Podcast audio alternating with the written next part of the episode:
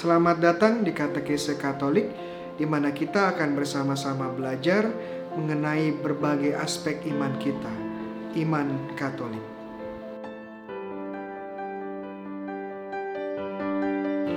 Shalom, teman-teman terkasih dalam Kristus, saya Romo Bayi OP.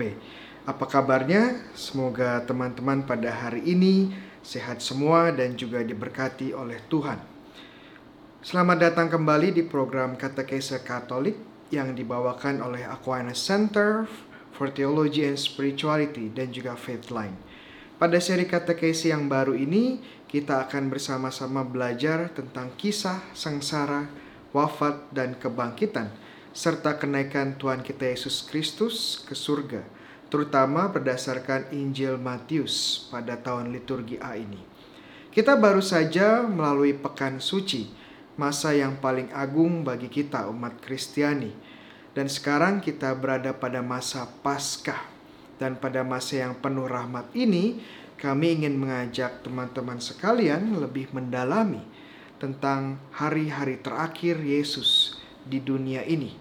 Dari Taman Getsemani di Bukit Zaitun sampai naiknya ke surga di tempat di bukit yang sama. Tentu kita mengetahui bahwa tahun ini berbeda dengan tahun yang lainnya karena adanya pandemik yang disebutkan oleh virus COVID-19. Dan kita masih belum bisa merayakan masa Paskah ini bersama-sama di paroki dan keusupan kita. Dan harapannya kata kese ini bisa sedikit menghibur yang belum bisa beribadah di gereja, tetapi tetap bisa memaknai iman kita dengan lebih dalam. Dan dalam seri kali ini kita akan mencoba membahas sedikit tentang peristiwa-peristiwa yang terjadi dalam kisah sengsara Yesus, terutama dari sudut seperti biblis atau kitab suci dan juga dilengkapi dengan bantuan penelitian historis atau sejarah dan juga dengan nilai-nilai teologis atau ilmu ketuhanan dan mungkin ada beberapa trivia yang bisa kita diskusikan juga bersama di sini. Getsemani. Setelah perjamuan Paskah di ruang atas atau Cenakulum di kota Yerusalem, Yesus dan tiga orang murid terdekatnya yakni Petrus, Yohanes dan Yakobus pergi ke sebuah taman yang bernama Getsemani. Taman yang tersebut terletak di sebuah bukit yang bernama Bukit Zaitun di sebelah timur kota Yerusalem. Sesuai namanya, Bukit Zaitun ditumbuhi banyak oleh pohon zaitun. Dan dari sini kebutuhan minyak zaitun bagi kota Yerusalem, terutama bagi bait Allah, terpenuhi. Pohon zaitun di Palestina merupakan pohon yang memiliki nilai tinggi dan bisa dikatakan sebagai pohon yang sangat penting bagi kelangsungan hidup bangsa Israel, secara khusus daerah Palestina ini dan sekitarnya. Hasil pohon ini yakni buah zaitun dapat dimanfaatkan untuk berbagai kebutuhan sehari-hari, dari kebutuhan pangan atau makanan sampai keperluan keagamaan. Produk utama dari buah zaitun adalah minyak zaitun. Minyak zaitun memiliki fungsi yang sangat bervariasi. Perlu diingat bahwa Israel tidak memiliki banyak rempah-rempah seperti negara kita Indonesia, sehingga minyak zaitun menjadi salah satu pilihan utama penambah cita rasa bagi makanan mereka. Biasanya minyak zaitun dapat dicampurkan pada makanan secara khusus untuk roti. Tidak hanya makanan, minyak zaitun juga digunakan dalam proses pengobatan. Oleh karena itu, Santo Yakobus dalam suratnya mengatakan, "Kalau ada seorang di antara kamu yang sakit, baiklah ia memanggil para penatua jemaat." supaya mereka mendoakan dia serta mengoleskannya dengan minyak dalam nama Tuhan. Dari surat Yakobus bab 5 ayat 14. Ini adalah satu teks yang merujuk pada sakramen perminyakan pada gereja perdana dan ini mengalir di sebuah tradisi bahwa minyak zaitun mempunyai daya penyembuhan. Tetapi fungsi yang paling penting, paling signifikan adalah sebenarnya fungsi keagamaan Kenapa? Karena minyak zaitun digunakan sebagai bahan bakar dari api lampu yang menerangi bait Allah. Selain itu, minyak zaitun juga merupakan bagian dari persembahan kurban setiap hari di bait Allah. Domba yang satu harus kaolah pada waktu pagi, domba yang lain harus kaolah juga pada waktu senja. Juga sepersepuluh eva tepung yang terbaik untuk korban sajian diolah dengan seperempat hin minyak tumbuk.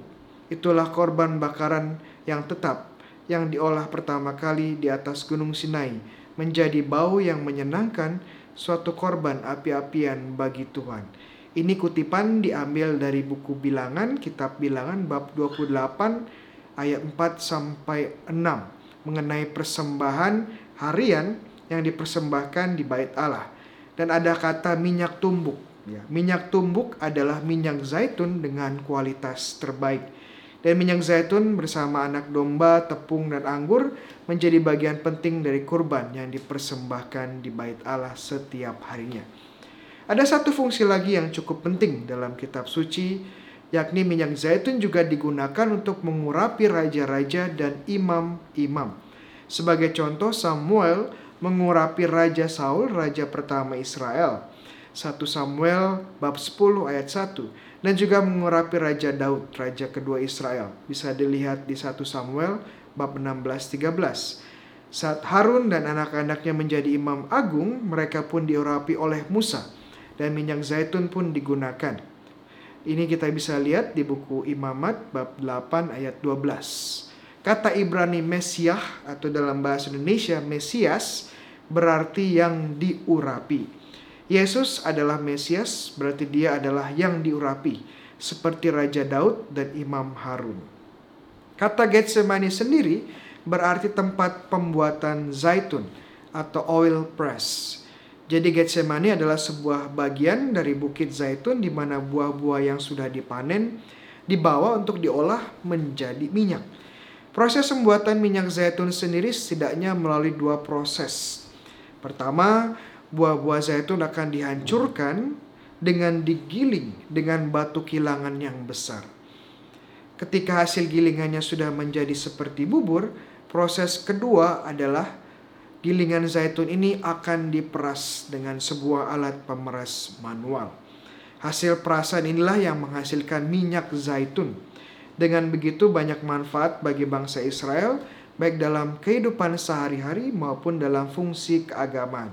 Tidak heran jika menurut tradisi Yahudi kuno yang berasal dari para rabi atau para guru-guru bangsa Israel, pohon kehidupan di Taman Eden, di tengah Taman Eden, adalah sebenarnya pohon zaitun.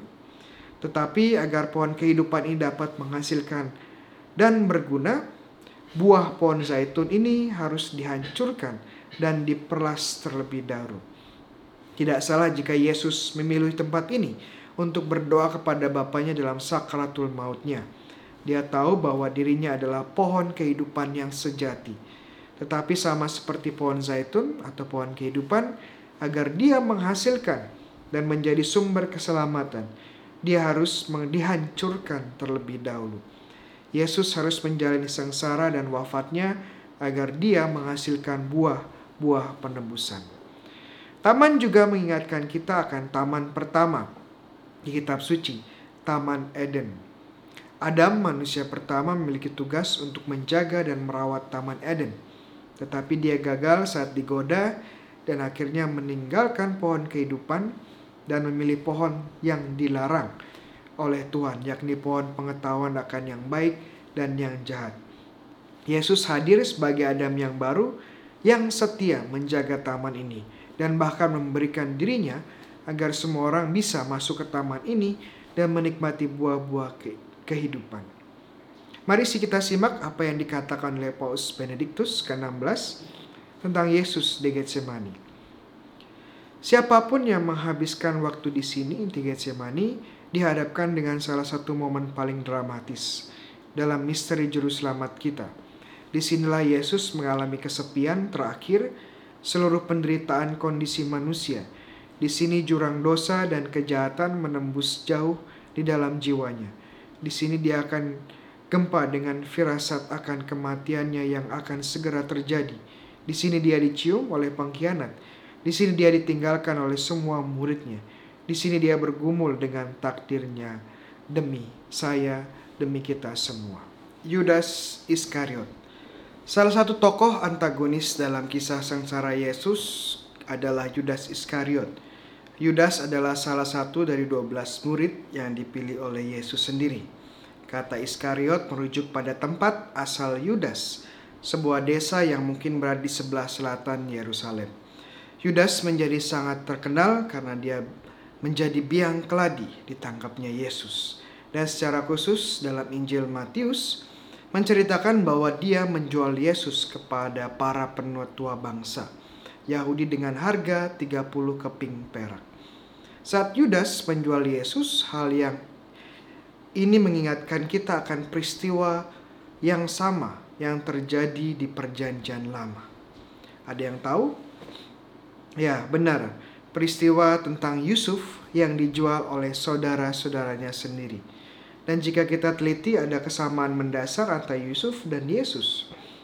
Yusuf dari sebelas saudaranya yang lain merupakan anak kesayangan dari Yakub, sang ayah.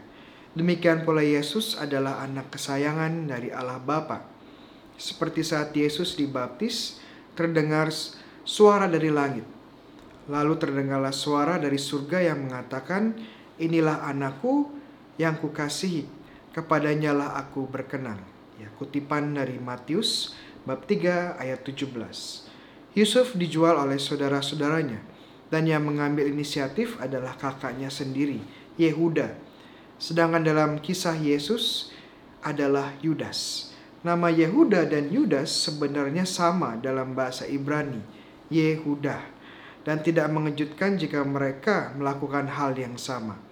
Ya, jumlah keping perak yang dikeluarkan ya berbeda, tetapi nilainya kurang lebih sama. Ini adalah harga penjualan seorang budak pada zaman tersebut. Yesus dan Yusuf sama-sama dijual dan kemudian dihakimi oleh orang asing. Yusuf oleh bangsa Mesir, Yesus oleh bangsa Romawi. Dan yang lebih mengejutkan lagi adalah walaupun keduanya menderita, mereka berdua menjadi keselamatan, sarana keselamatan bagi keluarganya dan bagi orang banyak. Yusuf menjadi penyelamat saat ada kelaparan besar dan Yesus menjadi penyelamat yang menebus dunia dari dosa. Saat Yesus ditangkap, Yudas bersama dengan serem gerombolan orang besar, orang banyak yang membawa pedang pentung, disuruh oleh imam-imam kepala dan tua-tua bangsa Yahudi. Berdasarkan Matius 26 ayat 47.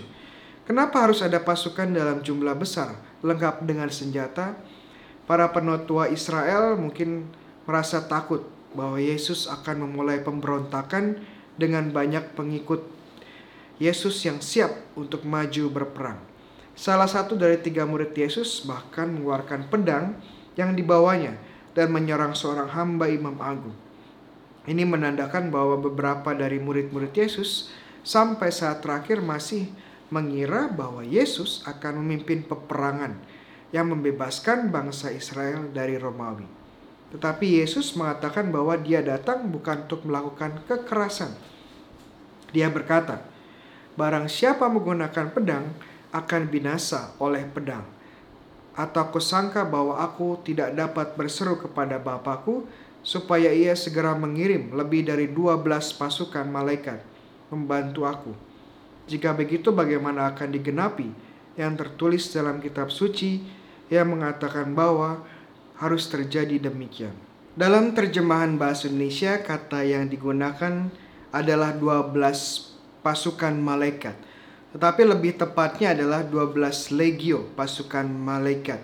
Legio sendiri adalah unit dalam militer bangsa Romawi yang terdiri dari sekitar 6.000 tentara. Jadi 12 legio ada sekitar 72.000 bala tentara malaikat. Hal ini menarik karena menurut penelitian sejarah jumlah pasukan Romawi yang ditempatkan di daerah Suria, Palestina, dan Yordania pada abad pertama tidak mencapai angka 60 ribu orang. Jadi Yesus ingin mengatakan bahwa dia bisa dengan mudah menaklukkan tentara Romawi di Israel. Tetapi ini bukan tujuan dia datang. Yesus datang untuk memenuhi kitab suci. Dan kita sudah melihat bagaimana dia memenuhi kitab suci. Di Taman Getsemani, dia menjadi pohon kehidupan dan menjadi Adam yang baru. Saat dia dikhianati Yudas, dia menjadi Yusuf yang baru. Tentunya masih ada banyak pemenuhan-pemenuhan yang akan Yesus lakukan seiring berjalannya kisah sengsara Yesus. Ingin tahu apa saja yang digenapi oleh Yesus? Kita saksikan episode berikutnya. Demikian kata kisah Katolik kita untuk kisah sengsara Yesus episode pertama ini. Untuk teman-teman yang memiliki saran dan pertanyaan bisa langsung ditulis di bagian komen di bawah dan jangan lupa untuk like dan subscribe YouTube account ini dan follow account IG kita untuk mendapatkan katekese katekese berikutnya. Tuhan sertamu, kita semua diberkati oleh Allah yang Maha Kuasa, Bapa, Putra, dan Roh Kudus. Amin.